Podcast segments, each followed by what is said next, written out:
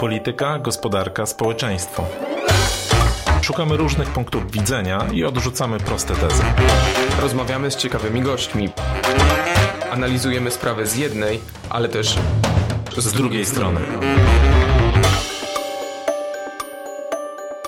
Tomasz Żółciak Grzegorz Osiecki, a dzisiaj naszym gościem jest dr Sławomir Dudek, prezes Instytutu Finansów Publicznych, były dyrektor Departamentu Polityki Makroekonomicznej Ministerstwa Finansów, adiunkt SGH.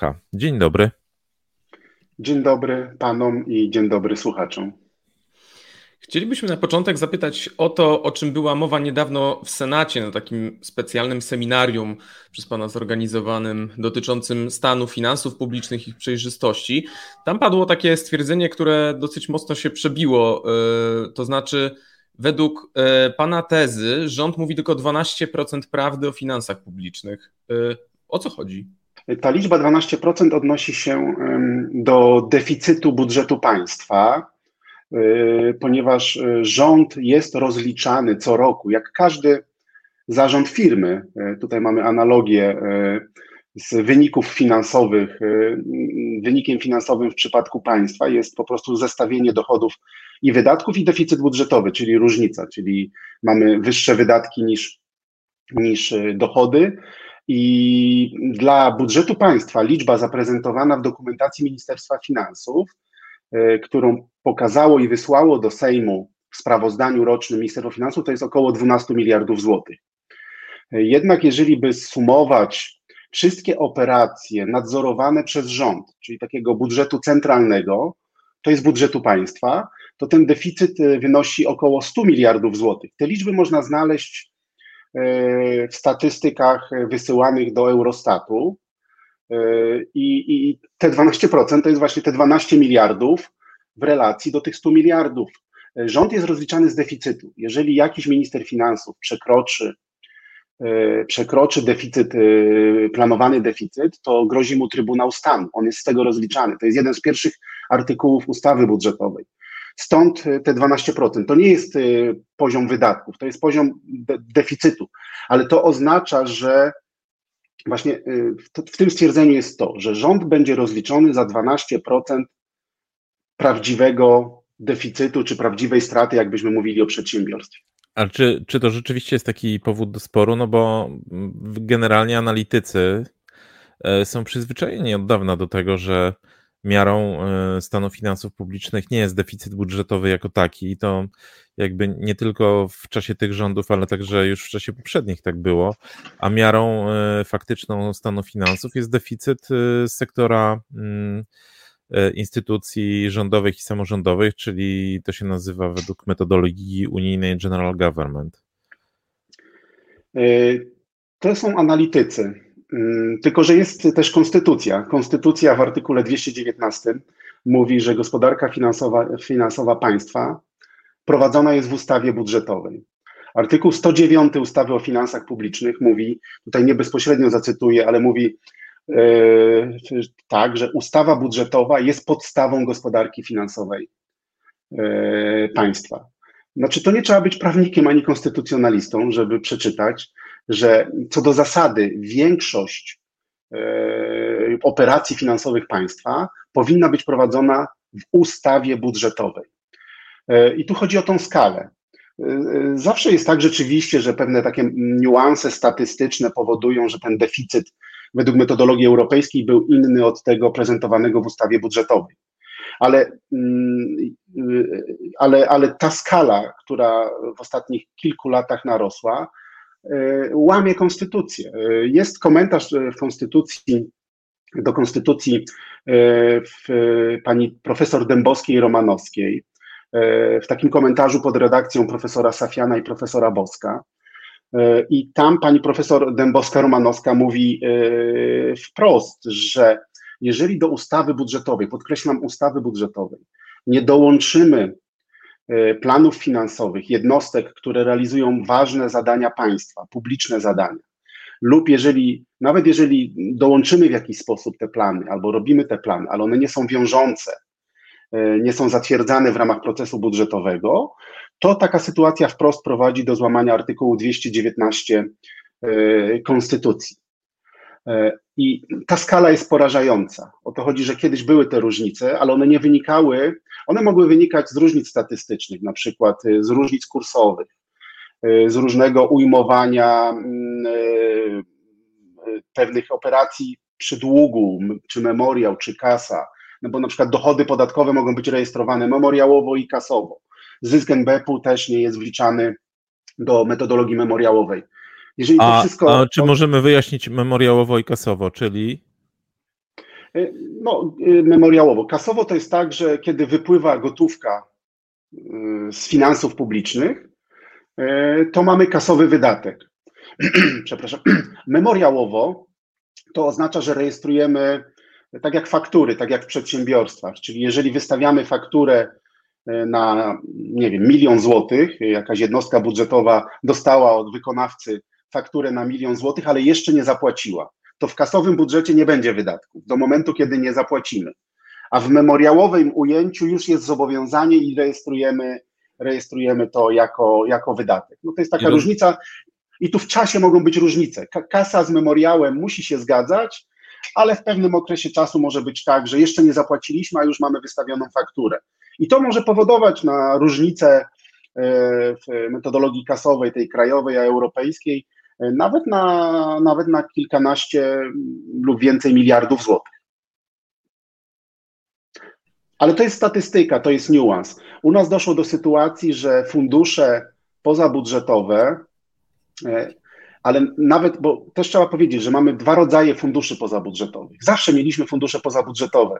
Fundusz Ubezpieczeń Społecznych, wypłacający renty i emerytury, e, jest funduszem pozabudżetowym. On istnieje niemal od zawsze.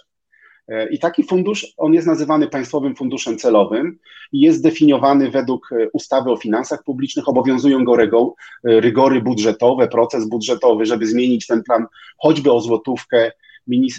tam akurat minister pracy, który jest odpowiedzialny za ten fundusz, musi zgłosić to do Komisji Finansów Publicznych. Komisja Finansów Publicznych o tym dyskutuje, tam są kamery, wszyscy wiemy, że plan jest zmieniany. Ale powstało od kilku lat na masową skalę fundusze, też nazywane pozabudżetowymi, ale to są pozabudżetowe mm, w szarej strefie budżetowej. One są przy Banku Gospodarstwa Krajowego, czy to jest Polski Fundusz Rozwoju również, który realizuje tam pewien projekt rządowy, ale te fundusze nie są zdefiniowane według ustawy o finansach publicznych, nie podlegają rygorom ustawy budżetowej, nie są dołączane do ustawy budżetowej. E, to jest niemalże, znaczy BGK jest przedsiębiorstwem rynkowym. Równie dobrze nie jest, Orlen. Nie jest, tak, nie, nie, nie jest tak, e, że BGK coraz bardziej zmienia się po prostu w Ministerstwo Finansów, bo e, jak pan zaczął opowiadać o tej kwestii, to pierwsze, co mi się skojarzyło, to ostatnia historia dotycząca naszych zakupów e, zbrojeniowych w Korei, uruchomienia tam linii kredytowej. Pojawiały się informacje, że to ponad 70 miliardów złotych rozłożone na lata. E, no ale mamy sytuację, w której tak naprawdę ciężko to potwierdzić, bo Ministerstwo Finansów odsyła do BGK, a BGK zasłania się tajemnicą bankową. E, rozumiem, że to jest właśnie taki systemowy problem tych rozwiązań. E, tak samo rezerwy, które ma premier do swojej dyspozycji. No, bardzo często widzimy materiały teksty prasowe pokazujące komu i dlaczego e, premier Morawiecki wręczył jakąś dotację na przykład i że to się odbywa też tak trochę w sposób taki bypassowy bym powiedział. Tu są dwie sprawy, bo akurat rezerwa ogólna też jest wydawana e, w nieodpowiedni sposób, ale ona jest przynajmniej w, dołączana i widzimy ją w ustawie budżetowej w statystykach budżetu państwa. Ale jeszcze jedną rzecz chciałem zwrócić uwagę, bo rząd mówi, że wysyła, wysyła coś do Eurostatu. E, tutaj redaktor Osiecki powiedział, że analitycy wiedzą i korzystają, nie korzystają z danych krajowych, tylko korzystają z tablic statystycznych w Eurostacie. Ja bym chciał powiedzieć, tablice statystyczne w Eurostacie to nie jest ustawa budżetowa. Jeżeli zarząd firmy, księgowy jakiejś firmy powiesi w stołówce sprawozdanie, ale na Radę Nadzorczą wyślę kawałek, to to nie jest formalne. To jest równoległy budżet, bo e, mamy wyprowadzanie z budżetu, bo e, e, nawet mm, często zresztą na waszych łamach publikujecie, bo wyciągacie w trybie dostępu do informacji publicznej, czy, czy, czy jako, jako dziennikarze wyciągacie z KPRM-u co jakiś czas plan finansowy tego Funduszu Przeciwdziałania COVID. Przecież ten plan jest nawet podzielony na działy, jest podzielony na ministerstwa. On jest taką kopią budżetu. To, to jest już w ogóle irracjonalne. Jeżeli stosujemy w tym, w tym e, pozabudżetowym funduszu nie według ustawy finansów, ale dzielimy to nawet na ministrów, czyli stosuj, to wygląda nawet jak budżet. Ale najlepiej, że te pieniądze trafiają do, trafiają do resortów, e, ale one trafiają na e, rachunek pomocniczy, czyli nie na rachunek budżetowy. Każdy resort ma rachunek budżetowy założony w BGK i ten rachunek minister finansów widzi. Pewnie ma nawet na pulpicie w swoim gabinecie i widzi wszystkie rachunki, albo przynajmniej e, dyrektor e, Departamentu Budżetowego widzi te wszystkie rachunki budżetowe, tak jak, ale tych pomocniczych nie wiem, czy widzi, nie widzi, to są osobne rachunki, czyli mamy wręcz szarą, tak, taki równoległą rachunkowość prowadzoną dla, dla tych pieniędzy i one najlepiej w ostatnim czasie to zaczęły to już stosować proceder prania pieniędzy budżetowych, bo dotychczas ten fundusz, e, mm, fundusze przy BGK pożyczały. W naszym imieniu to były publiczny dług i pożyczały i wydawały. A teraz rząd zaczął robić, bo już nie może pożyczać, bo ciężko jest e, nawet emitować te obligacje, nikt nie chce ich kupić, to rząd daje dotacje poza budżet do Funduszu Przeciwdziałania COVID z pieniędzy budżetowych, z budżetu. A te pieniądze z powrotem wracają do jakiegoś ministra, ale nie na rachunek budżetowy, tylko na ten drugi rachunek który nie jest już obserwowany przez ministra finansów. To jest jakby, e, ja to nazywam pranie pieniędzy budżetowych. Mamy pieniądze budżetowe, przelewamy do funduszu COVID, przestają być budżetowe w rozumieniu konstytucji i ustawy e, o finansach publicznych, trafiają do dysponenta budżetowego, ale nie na rachunek budżetowy. Nie wiem, to, to wygląda jak a to, jak... to ja, ja, mam takie pytanie, no bo y, jakie są w takim razie przyczyny, że coś takiego powstało? No bo y, ja przeczytam, bo znalazłem takie uzasadnienie, które wysłał minister Skuza akurat, kiedy no, stała się głośna kwestia oceny budżetu przez NIK i no, NIK też jakby formułuje właśnie te same zarzuty, tak? Czyli, że znacząca część w tej chwili wydatków publicznych odbywa się poza budżetem przez te fundusze. E, I minister Skuza tłumaczy się tak. W obliczu pandemii oraz kryzysu energetycznego konieczne było użycie znacznie szybszego i bardziej elastycznego sposobu finansowania niż tradycyjne finansowanie budżetowe. To właśnie dzięki środkom, które były pozyskiwane przez fundusze BGK, udało się uratować tysiące miejsc pracy, zapewnić bezpieczeństwo obywateli e, w obliczu rosnących cen surowców i przyjąć godnie uchodźców e, z ogarniętej wojną Ukrainy. Mm, pisze minister. Ja jeszcze też, też kojarzę, że on tu bardzo często przywołuje przykład innych krajów, między innymi Niemiec, gdzie Niemiec. tego typu. O. Tak, tak, tak. E, fundusze są.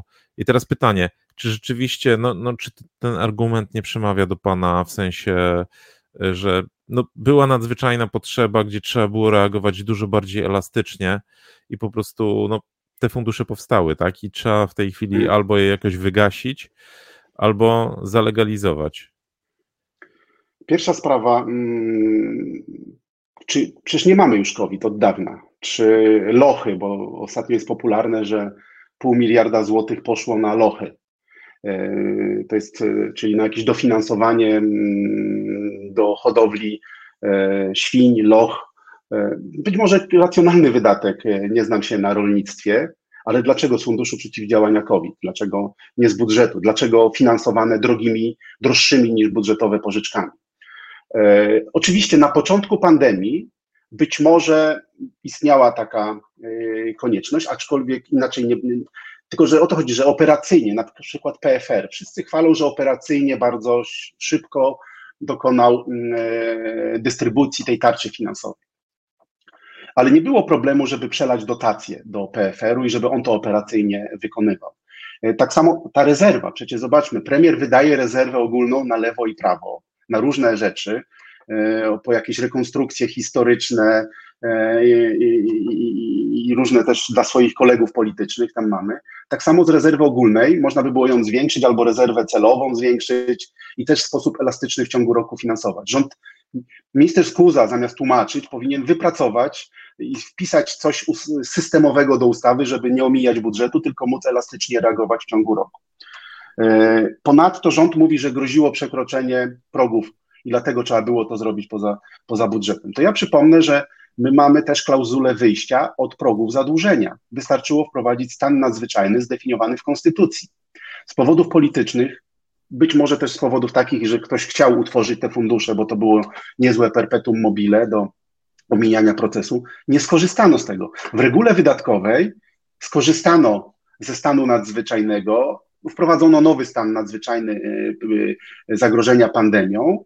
Można było to samo zrobić z progiem 55 i wtedy spokojnie można było to finansować przez budżet. Poza tym teraz jesteśmy już bardzo daleko, bardzo daleko od może, progu. Może dopowiemy tylko, że jeżeli chodzi o te progi ostrożnościowe, to one po prostu na przykład nakazują zrównoważyć budżet, jeżeli y, dług przekroczy dany poziom w relacji do PKB i tak się składa, że że między innymi te różnice, o których tutaj mówimy, powodują, że w tej chwili ta różnica między długiem liczonym według statystyk unijnych, a według statystyki krajowej wynosi już chyba z 10 punktów procentowych albo coś koło tego, prawda?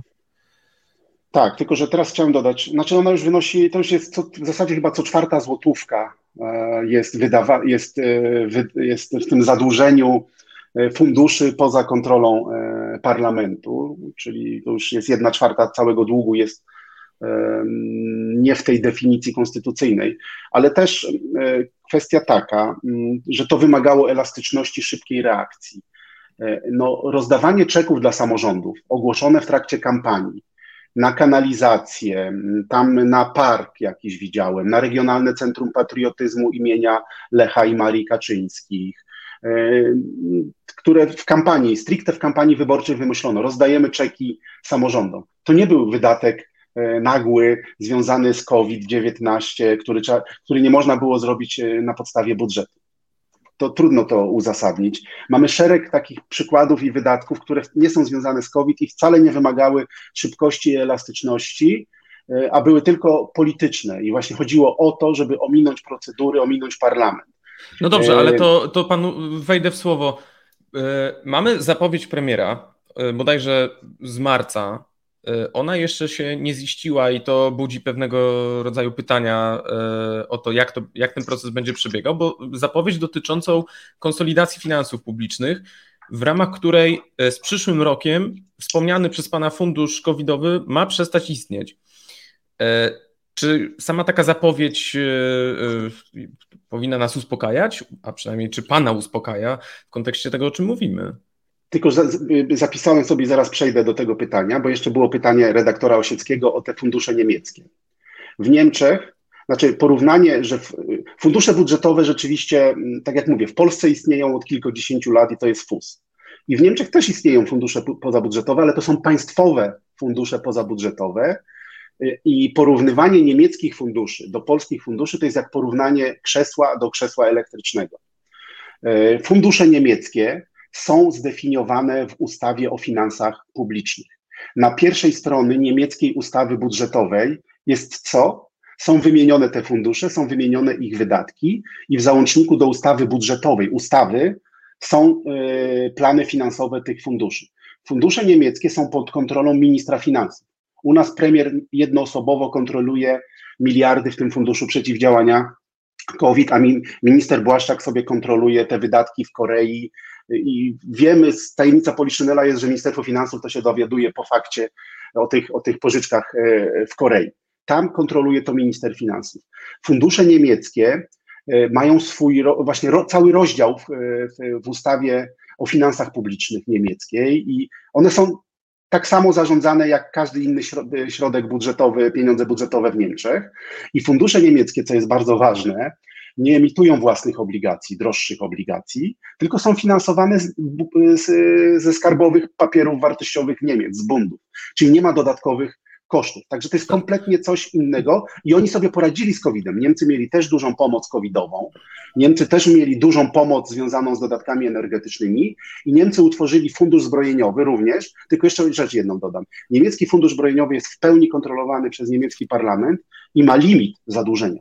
Może się zadłużyć ma łączny limit na y, y, lata do przodu 100 miliardów euro, czyli 2,5% PKB niemieckiego.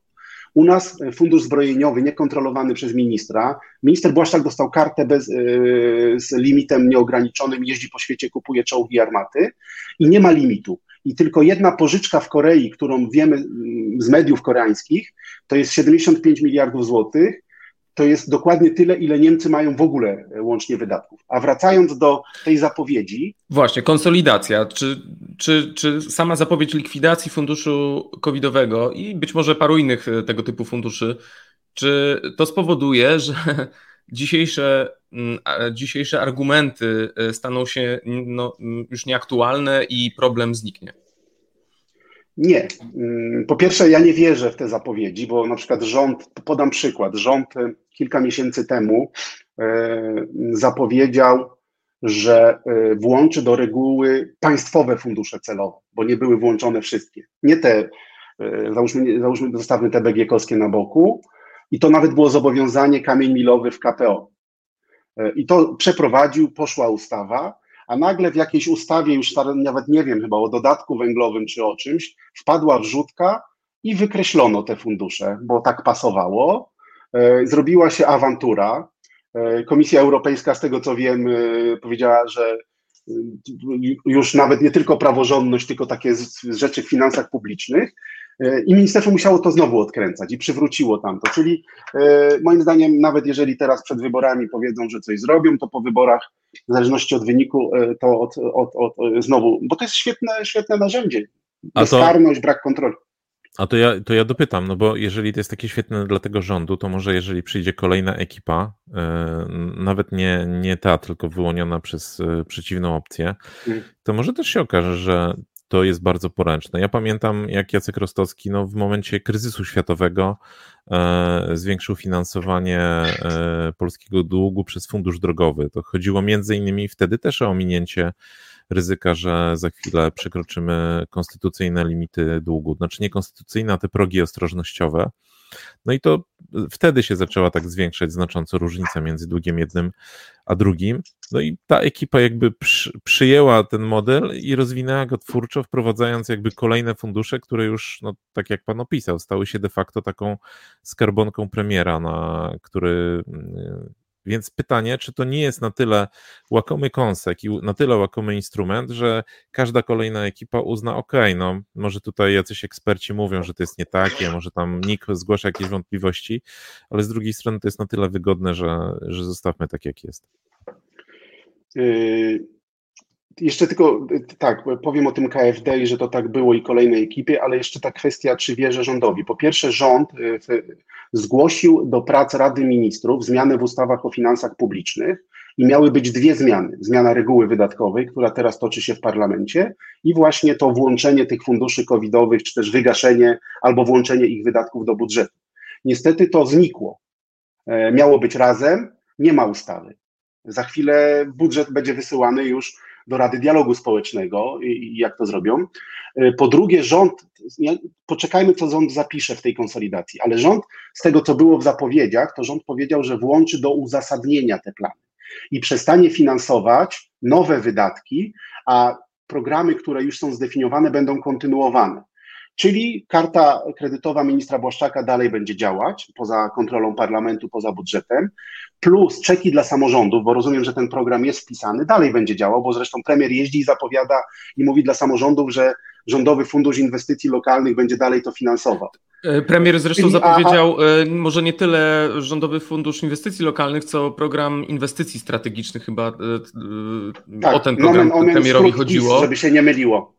Tak, e, natomiast Airfield, ja myślę, że to był chyba taki jednorazowy strzał i po tym e, jak e, zobaczyliśmy jaki był efekt dystrybucji tych pieniędzy, no rząd jakoś niespecjalnie rozwija ten instrument, natomiast rzeczywiście ten program PIS, premier zapowiedział, że to będzie stały mechanizm dotowania tak, czyli Ja nie wierzę w to, Plus cały czas podkreślam, e, jak tutaj mówiłem, że e, gospodarka finansowa musi być prowadzona w ustawie budżetowej, a rząd tam, z tego co pamiętam, wpisał, że on do uzasadnienia do ustawy budżetowej dołączy te plany. w uzasadnieniu to my możemy sobie nawet, nie wiem, obraz Picasso tam albo grafiki włączyć, wszystko możemy sobie tam napisać.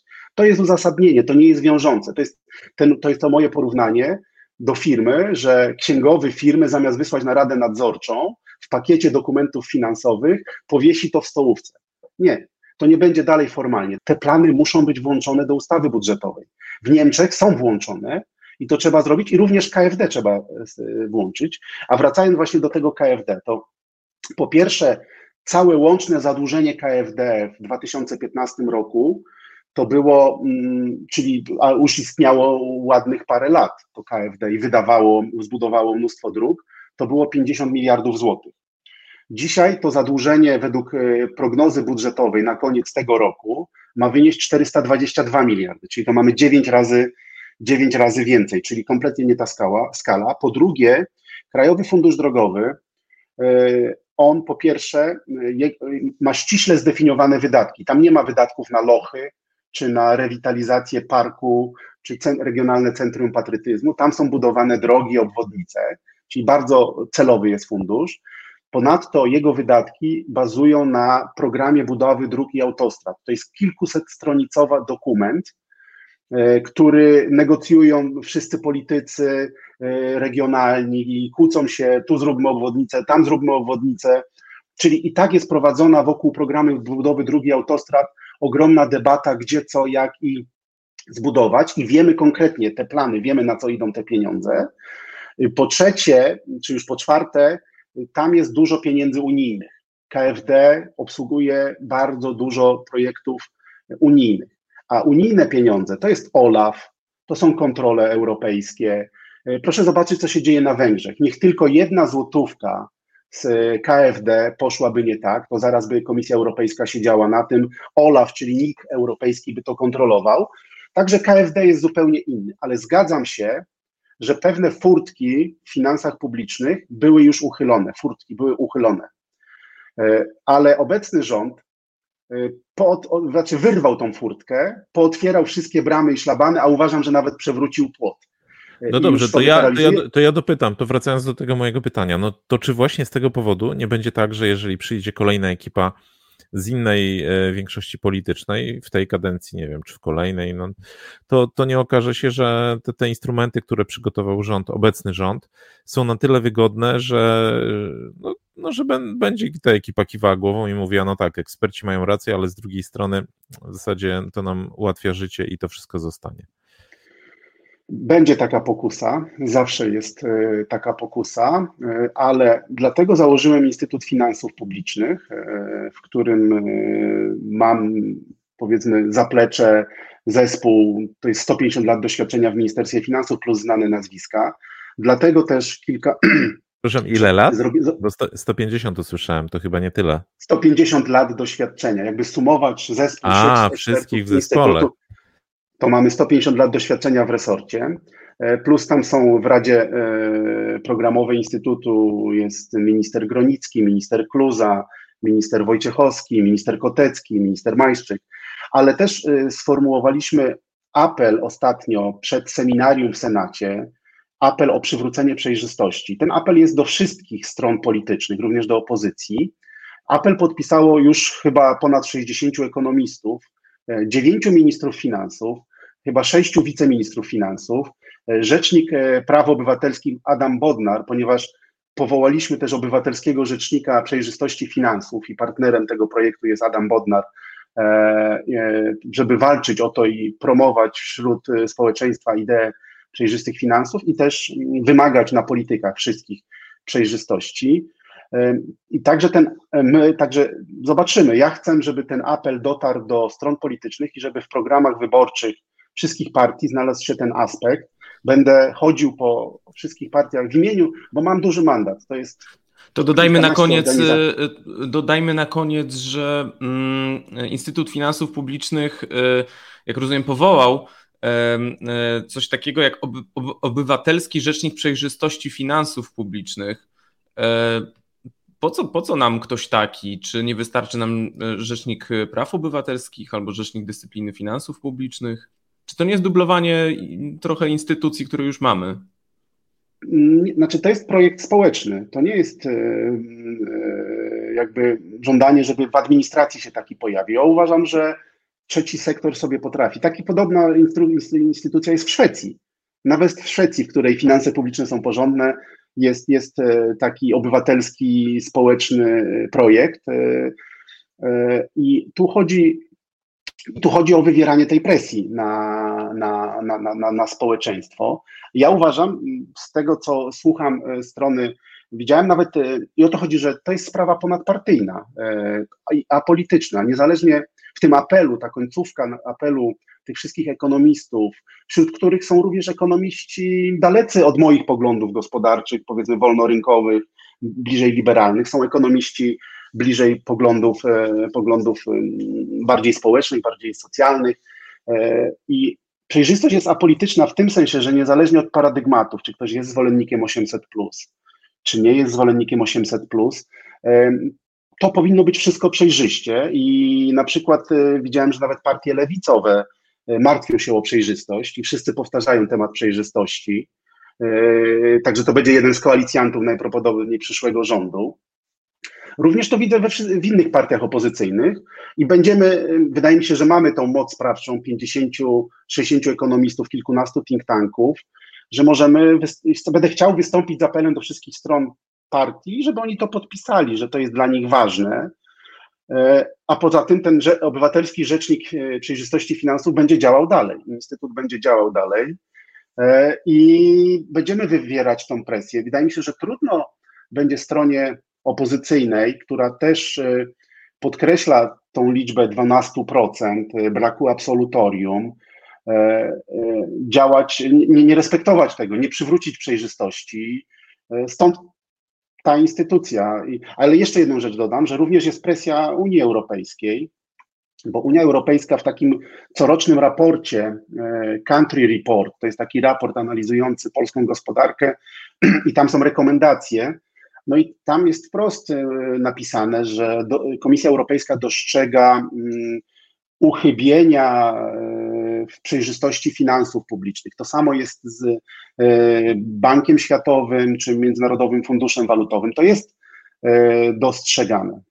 To jeszcze, to jeszcze na koniec zapytam, no bo pan jest z tym rzecznikiem, czy, czy, czy to jest rzecznik kadencyjny, czy może być powołany ktoś inny? Czy pan się sam obwołał? Na razie to jest, jest?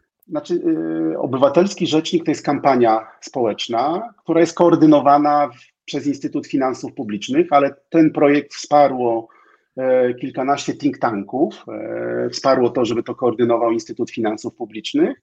W tym apelu również to jest to wsparte przez 60 e, no, bardzo znamienitych ekonomistów, konstytucjonalistów, prawników, tak jak mówiłem, dziewięciu ministrów finansów, E, no i Instytut Finansów będzie prowadził tą kampanię. Ja jako szef Instytutu można powiedzieć, no, że jestem koordynatorem, czy jestem tym rzecznikiem. Znaczy to jest na razie kampania społeczna. Mamy do wyborów, e, różnie licząc, mniej niż 100 dni albo ponad 100 dni i co, zobaczymy, co, co, co dalej. To nie, to nie jest też apel, że ma powstać w administracji rzecznik. To powinno być naturalne. Tym rzecznikiem tak naprawdę powinien być minister finansów to on powinien dbać o przejrzystość finansów e, publicznych, no ale niestety w Polsce to nie jest realizowane. Tak jak rząd, tak jak na granicy z Polską, z Ukrainą, to, to trzeci sektor, to instytucje e, społeczeństwa obywatelskiego się pierwsze pojawiły, no tak samo trzeba się zająć tą przejrzystością e, finansów publicznych do momentu, kiedy się nie wypracują jakieś rozwiązania instytucjonalne e, w państwie. To jest na pewno kampania społeczna.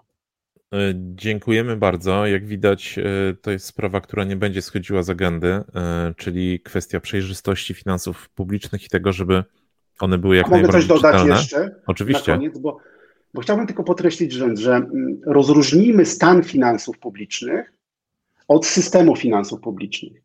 Stan finansów rozumiem, czy dług jest za wysoki, czy deficyt jest za wysoki, jak go zmniejszyć i tak dalej. To jest jedna sprawa. I to jest trudny problem, bo bo, no bo można różnymi ścieżkami iść. Można podnosić podatki, można ciąć wydatki i tutaj będzie już dyskurs polityczny. Ale to, duży... ale to jest problem nie, nie, na dzisiejszy program już, natomiast faktycznie rozumiem, że chodzi o system finansów publicznych i o to, żeby ten system był jak najbardziej czytelny i żeby był no, przejrzysty. No, większość obywateli była w stanie się zorientować, jakby co się w nim dzieje w taki w miarę jednoznaczny sposób. Bo to jest prawo e, no. obywatelskie. I jeszcze jedną rzecz dodam, że na stronie Instytutu Finansów Publicznych jest petycja E, skierowana do obywateli, żebyśmy wszyscy zebrali e, podpisy pod tą petycją i wzmocnili ten przekaz do wszystkich stron politycznych, żeby właśnie po wyborach nie było tego, co redaktor Osiecki mówi, że być może będzie pokusa, nawet jeżeli się zmieni rząd, to dalej będzie pokusa, żeby to utrzymywać. Także zachęcam, proszę podpisujcie ten apel i pójdziemy z tymi podpisami do wszystkich stron politycznych. Dziękujemy bardzo za rozmowę i zapraszamy na drugą część podcastu. Witamy w części drugiej, e, w której porozmawiamy o, o tym, jak przebiega kampania i o tym, co nas czeka, bo można chyba tak króciutko podsumować już na samym początku, że Kampania w tym momencie y, zaciąga taki hamulec ręczny na okres wakacyjny. Y, raczej nie będzie jakichś dużych konwencji, jakichś y, wielkich propozycji programowych. Prędzej będą pikniki, jakieś takie małe, pojedyncze kameralne spotkania akcje takie jak Platformy Obywatelskiej w miejscach wypoczynku ludzi, turystów, czyli ta tak zwana aleja milionerów. No ale zastanówmy się może, mm, co nas czeka po wakacjach, kiedy wszyscy wypoczęci, miejmy nadzieję, wrócimy, a kampania jednocześnie dociśnie gaz do dechy. E, i może podzielmy to sobie tak na dwa takie odcinki. Odcinek e, obozu rządzącego i odcinek opozycyjny. Co w tym pierwszym odcinku, Twoim zdaniem, e, się może e, wydarzyć? Bo mam wrażenie, że już jest sączony taki przekaz, co się dzieje i czego się w związku z tym spodziewać ze strony PiSu.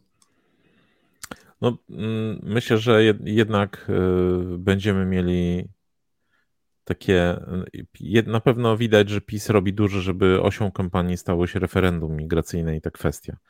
E, mieliśmy w tym tygodniu sondaż, e, gdzie ponad połowa e, ankietowanych opowiedziała się za tym, że pójdzie i zagłosuje w referendum, jeżeli ono odbędzie się w wyborach, łącznie z wyborami parlamentarnymi. I rozumiem, że jakby no PiS pewnie sam robił własne badania i, i rozumiem, że tą tą kwestię będzie podgrzewał i będzie starał się doprowadzić do takiej sytuacji, kiedy mm, ta linia polaryzacyjna, Zresztą trudno mówić tu o jakiejś linii polaryzacyjnej, no bo e, jakby pytanie pewnie będzie referendalne, e, ustawione w ten sposób, że ciężko będzie na nie odpowiedzieć jakby w inny sposób niż sobie rząd zażyczy. Możliwe, że będzie taka, ta, taka odpowiedź dla odważnych, natomiast pewnie będzie to tak zrobione, żeby trudno było tutaj e, powiedzieć inaczej niż rząd, czyli no, jakby skłonić ludzi, którzy będą głosowali do tego, żeby rozważyli już w lokalu wyborczym, jak zobaczą kartkę referendalną, a z, z drugiej strony dostaną dwie kartki do Sejmu i do Senatu, żeby rozważyli, czy tutaj faktycznie jakby nie głosować za kandydatami obozu rządowego. No myślę, że taki jest zamysł. A z drugiej strony nie wiemy, jakie jeszcze będą niespodzianki. To znaczy, widać, że PiS do tej pory miał taki plan, żeby kilka rzeczy, które były przygotowane wcześniej, żeby one zagrały mu w kampanii, tak? No bo przecież mamy 14 emeryturę e, uchwaloną na stałe i z tego co kojarzę, wypłata 14 emerytury będzie we wrześniu. W tej chwili został znowelizowany budżet. Przed chwilą rozmawialiśmy o przejrzystości budżetu. Akurat to się znalazło w części budżetowej, ale ma być jednorazowa e, wypłata dla pracowników sfery budżetowej. No taki już czysto wyborczy cukierek, tak? No bo e, to nie jest jakaś długotrwała zmiana ich sytuacji finansowej, podwyżka, coś takiego, tylko po prostu dostaną taki e, dopalacz po wakacjach. Plus nagrody dla nauczycieli, prawda? No tak. Pretekstem tak. jest 250-lecie Komisji Edukacji Narodowej. Tak, no, no akurat Dzień Nauczyciela przypada tuż przed y, planowanymi wyborami, no bo tu jeszcze oczywiście oficjalnie nie wiemy, kiedy będą wybory. Więc myślę, że PiS po prostu liczy na to, że na jesieni nastąpi szereg takich impulsów, y, które przypomną y, jego wyborcom, jak jest dobrym rządzącym i jak bardzo o nich zabiega. Oczywiście tu się może wydarzyć jeszcze coś innego, podejrzewam, jeżeli chodzi o PiS to znaczy, tu może też się wydarzyć, bo widzimy, że gdzieś tam na, narastają takie atmosfery mm, strajkowe. Budżetówka pewnie będzie chciała podwyżki. E, pewnie ci, którzy dostaną te jednorazowe, zaczną się zastanawiać, czemu to jest jednorazowe, a nie na stałe. Więc myślę, że na jesieni PiS może się borykać z jakimiś falą żądań płacowych. I to, to może być coś, co stępi efekt tych e, no, wdrażanych obietnic i spowoduje, że y, nie będzie to aż tak spektakularny uzysk sondażowy, jak PiS liczył. Coś takiego widzieliśmy przy okazji 800. Więc I dla mnie najważniejszym pytaniem jest jeszcze to, co PiS jakby odpali w drugiej części kampanii jako no, takie mega obietnice wyborcze, no i czy to nie będzie zbyt kosztowne, bo ze, ze Sławomirem Dudkiem rozmawialiśmy o przejrzystości finansów publicznych, nie rozmawialiśmy właśnie tutaj o tym, w jakim stanie są finanse publiczne. Rząd mówi, że w niezłym, no ale w niezłym to znaczy, że w tym roku mamy mieć 5% deficyt, a niewiele mniejszy w przyszłym roku. E, mamy groźbę jakby niższych dochodów budżetowych od założonych. I to są takie ciemne chmury, które gdzieś tam wiszą nad finansami i byłoby dobrze, gdyby jakby i rządzący, ale także opozycja zrozumiała, że no budżet nie jest z gumy, a mam pewne obawy, że stawka tych wyborów jest taka, że y, może być rzucona każda obietnica po to, żeby, żeby wygrać. Generalnie wydaje mi się, że jest tak, że e, to, co mówią nasi rozmówcy e, z obozu, z obozu, rządzącego, że teraz jest e, etap tak naprawdę zbierania tych propozycji. To znaczy, ciężar ulu programowego przeniósł się z efektownych wnętrzy konwencji do zacisza gabinetów. Każdy minister, z tego co słyszymy, ma teraz za zadanie wrzucić jakieś swoje propozycje dotyczące jego obszaru kompetencyjnego i na tej podstawie zostanie wykuty ten program, który zostanie zaproponowany czy przedstawiony e, prawdopodobnie po wakacjach. E, no i tutaj zastanawia mnie jedna rzecz, bo sam prezes Kaczyński sugeruje, że mm, to będzie, to będzie program, który będzie obejmował perspektywę raczej dwóch kadencji. To znaczy, że e, PiS jest e, chyba rzeczywiście dość e, pewien swojej sytuacji, skoro aż tak szeroko planuje swoje działania. Tylko ja się zastanawiam, czy złożenie obietnicy, tak jak to określiłeś, takie mega propozycje kampanijne, czy to nie będzie zbyt mega? To znaczy, czy Twoim zdaniem propozycja, że na przykład coś się wydarzy w 2030 roku, dajmy na to, czy to będzie coś, co będzie robiło wrażenie w roku 2023? Bo y, śmiem wątpić. Y, ja, ja myślę, że y, to samo powiedzenie przez prezesa, że to jest plan, że to ma być plan na dwie kadencje, że to jest, to ma być jedna z recept, które mają uruchomić ludzi, którzy głosowali na PiS, a którzy w tej chwili są zniechęceni do oddania głosu. No bo widzimy po sondażach, nawet no, jak się patrzy na, na średnie sondażowe, albo nie wiem, najnowszy sondaż United Surveys dla wirtualnej Polski, to pisma tam 34%, Platforma prawie 30%, Konfederacja prawie 15%, e, Trzecia Droga ma 12%, a Lewica 7,5%. I chodzi mi o to, że jak spojrzymy sobie na te, na, na te notowania PiSu, to one są około 10 punktów procentowych niższe niż w, w roku 2019 wyborczy wynik. Co oznacza, że ci wyborcy no, nadal są nie idę na wybory. Ci wyborcy pisowscy, no bo oni może w części się przesunęli na Konfederację, pewnie niewielkiej, ale reszta raczej nie, nie pójdzie i nie zagłosuje. I rozumiem, że że PiS stara się nie tylko tymi gestami, o których była mowa, czyli tą 14 emeryturą czy tymi podwyżkami, ale przede wszystkim taką wizją, że my jesteśmy pewni i wie, wiemy, co chcemy zrobić, wizją dwóch kadencji, stara się tych ludzi obudzić i y, doprowadzić do ich wyjścia z domu i do tego, żeby poszli do lokali wyborczych. Y, a z drugiej strony, jak patrzę sobie na to, co robi Donald Tusk w wielu przypadkach, na przykład i 800, i ostatnio tak kwestie migracyjne, no to mam wrażenie, że on stara się zrobić wszystko, depcząc PiSowi y, po piętach w sprawie jego różnych obietnic czy ruchów wyborczych, żeby ci ludzie właśnie zostali w domu. Żeby to jest taki jakby przekaz, nazwijmy to podprogowy, no on jest niewypowiedziany, że nie musicie iść na wybory, bo, bo i tak, e, jeżeli boicie się, że my co, zrobimy coś e, bardzo inaczej niż PiS, to, to nic takiego nie będzie, tak? Nie odbierzemy wam 500, plus, do, dodamy 800. No to jest, to, to jest właśnie to odejście od tej doktryny platformerskiej, e, że nic co dane nie zostanie zabrane, do takiej zupgrade'owanej doktryny, że nie dość, że to co dane nie zostanie zabrane, to my jeszcze wam dołożymy. No tak, więc e, tylko jestem ciekaw, czy, czy Twoim zdaniem jeszcze tutaj czekają nas niespodzianki ze strony opozycyjnej. I na ile te tak, płynnie przechodzimy teraz do drugiego. No, no tak, tak, no bo na, na, ile widzimy po sondażach, że Platformie udało się powiedzmy od wiosny odrobić jakieś około 5 punktów procentowych w sondażach. E, nadal jest zapisem, ale jakby e, od, odleciała od e, swoich potencjalnych kon, koalicjantów, natomiast no, no jednocześnie napompowała się Konfederacja.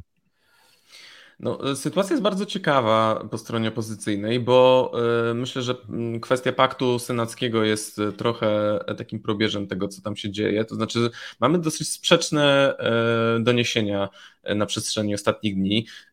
Były doniesienia, że i to powiedział pod nazwiskiem Robert Biedroń, jeden z, z liderów mm, lewicy, że rozmowy zostały zerwane, nie przerwane, tylko zerwane E, bo nie mogą się dogadać odnośnie przydziału e, mandatów czy, czy tych kandydatów, który każdy, każda formacja będzie mogła w ramach paktu e, wystawić, a z drugiej strony słyszymy, że wszystko jest w porządku, wszystko idzie zgodnie z planem, mamy ten specjalny algorytm. No rzeczywiście sondaże w ostatnim czasie, zwłaszcza po marszu 4 czerwca się istotnie zmieniły i w związku z tym pojawiły się naciski ze strony Donalda Tuska, żeby e, no, dokonać stosownych e, korekt.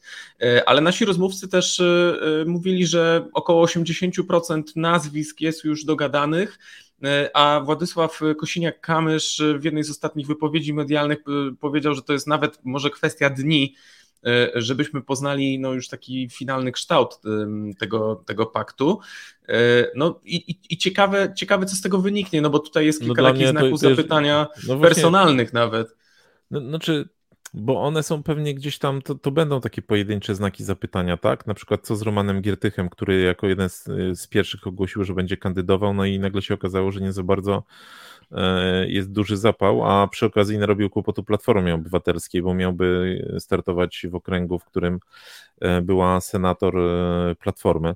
Więc no właśnie ostatnie natomiast... doniesienie, które słyszałem o Romanie Giertychu, nie pamiętam już, które medium o tym donosiło, ale to jest tak na świeżo, że podobno Roman Giertych ma wystartować, ma, ma mieć zielone światło, żeby wystartować E, ale z innego okręgu niż ten, który on sam gdzieś tam to, to było, to było nawet nasze medium, bo sami o tym pisaliśmy w zeszłym tygodniu. Natomiast mi chodzi o to, że wydaje mi się, że po prostu w momencie, kiedy jest uzgodnionych faktycznie około 80% okręgów, to gdzieś tam z tyłu głowy wszyscy mm, przedstawiciele partii opozycyjnych mają to, że no musimy się dogadać, bo przecież nikt nie będzie teraz zaczynał od y, nowa y, i nie będzie wystawiał stu kandydatów. Tym bardziej, że to jest z punktu widzenia jakby kampanii sejmowej, to akurat dogadanie się w Senacie nie jest takim złym jakby pomysłem, no bo daje możliwość takiego lo rozsądnego lokowania swoich zasobów w poszczególnych okręgach i nie ma tutaj dylematu wzajemnej rywalizacji, więc ja uważam, że to są takie jakby kontredanse, ale tu pewnie Kosiniak ma rację, że to jest kwestia kilku dni, kiedy to zostanie zwodowane jako, tym bardziej, że opozycja też potrzebuje jakiegoś sukcesu, który pokazuje, że potrzebuje się dogadać, e, bo, bo od e, głosowania o ustawę OSN, no to nie mamy takich bardzo przejrzystych sygnałów, że słuchajcie, no jesteśmy gotowi do tworzenia przyszłego rządu, bo co chwila gdzieś tam iskrzy i coś się dzieje nie tak. Ale to y, może wejdźmy już taki trochę obszar na koniec political fiction, e, bo czy, na podstawie tego, co gdzie niegdzie słyszymy, zarówno po stronie opozycyjnej, jak i po stronie obozu rządzącego, gdzieś tam w tle wybrzmiewają takie rozważania na razie, czy te wybory, które nas czekają najprawdopodobniej 15 października, czy one będą no, finalizować tę wyborczą rozgrywkę? To znaczy, czy się nie okaże tak, że te wybory, gdybyśmy to przyrównali do meczu piłki nożnej, że to będzie taki finał Ligi Mistrzów, gdzie zostanie wyłoniony bezapelacyjny zwycięzca, czy zaraz się nie okaże, że nagle po tym meczu mamy dogrywkę, czyli która być może wyłoni zupełnie innego zwycięzcę. No, czyli, czyli nie będzie żadnego bezapelacyjnego zwycięzcy. Nie, no to no jak rozmawiamy z politykami z różnych stron, to gdzieś tam ten wariant w powietrzu wisi, no bo nawet jak sobie spojrzymy na te wszystkie sondaże, to czasami wynika z nich, że no zsumowane poparcie opozycyjne w tej chwili mm, niekoniecznie przekracza 230 mandatów a każdy inny wariant no, wymagałby dogadania się z Konfederacją, na przykład PiSu z Konfederacją, bo z kolei no, PiS traci 30, od 30 do ponad 40 mandatów w zależności od wariantu.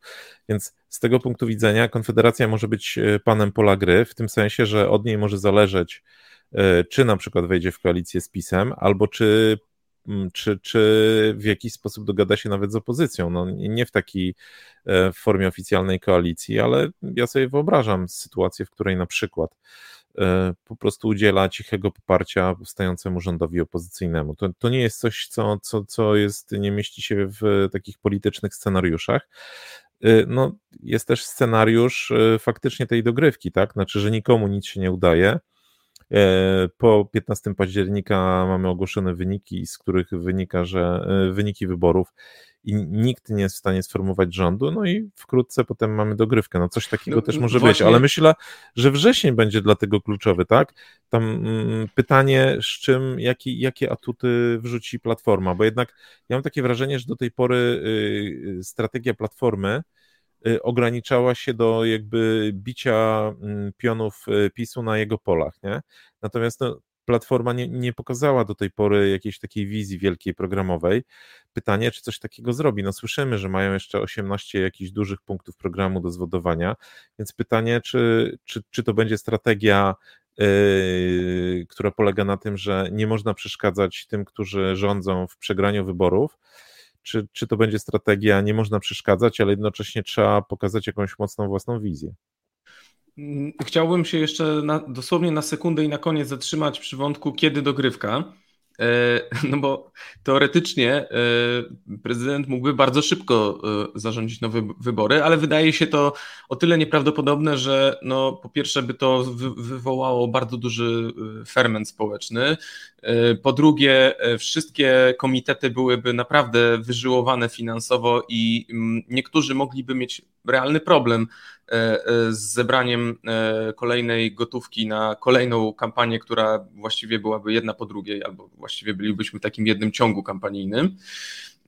No i w, w, tutaj czasami słyszymy, że mm, popraw mnie, jeżeli się mylę, że takie kolejne wybory, gdyby się nie udało wyłonić rządu po tych wyborach, mogłyby być rozpisane w lutym przyszłego roku. No to nie ma co ci poprawiać, bo to wynika też trochę z kalendarza konstytucyjnego, bo tam byłyby te trzy kroki. Najpierw musiałby się zebrać rząd po wyborach, potem by się okazało, że się nie zbiera, no i pewnie potem mielibyśmy, a każdy krok to jest tam na początku to jest chyba dwa tygodnie, potem jak prezydent wskaże, jest na zebranie wotum nieufności, potem się zaczyna krok sejmowy, który też trwa dwa tygodnie plus dwa tygodnie i potem kolejny jakby krok taki z kandydatem namaszczonym przez prezydenta. Jak to się nie udaje, no to w zasadzie idziemy na wybory. I, i tak, tak mniej więcej ten terminarz wygląda, więc faktycznie mielibyśmy. Wtedy to w ogóle by, mielibyśmy zawrót głowy przy takim scenariuszu, no bo to by była wiosna, w której byłyby trzy elekcje, no bo najpierw byłyby wybory parlamentarne, potem samorządowe, a na końcu wybory europejskie. Więc nie, nie wiem, czy politycy. Myślę, że to będzie silny bodziec do tego, żeby jednak jakiś rząd powstał. Na razie wszyscy nastawiamy się na wybory w październiku tego roku. E, oczywiście e, zachęcamy do budowania e, frekwencji. Życzymy sobie chyba wszyscy, żeby była rekordowa. I zobaczymy, jaki będzie efekt tych wyborczych zmagań. Tak jak mówiliśmy, teraz zaciągamy hamulec ręczny, ale proszę się już nastawiać, że we wrześniu będzie naprawdę spektakularne przyspieszenie i znów zaczniemy żyć polityką no, dużo intensywniej niż do tej pory. Mm, za dziś bardzo dziękujemy. Tomasz Żółciak i Grzegorz Osiecki. Do usłyszenia. Polityka, gospodarka, społeczeństwo. Szukamy różnych punktów widzenia i odrzucamy proste tezy. Rozmawiamy z ciekawymi gośćmi. Analizujemy sprawę z jednej, ale też z, z drugiej, strony. strony.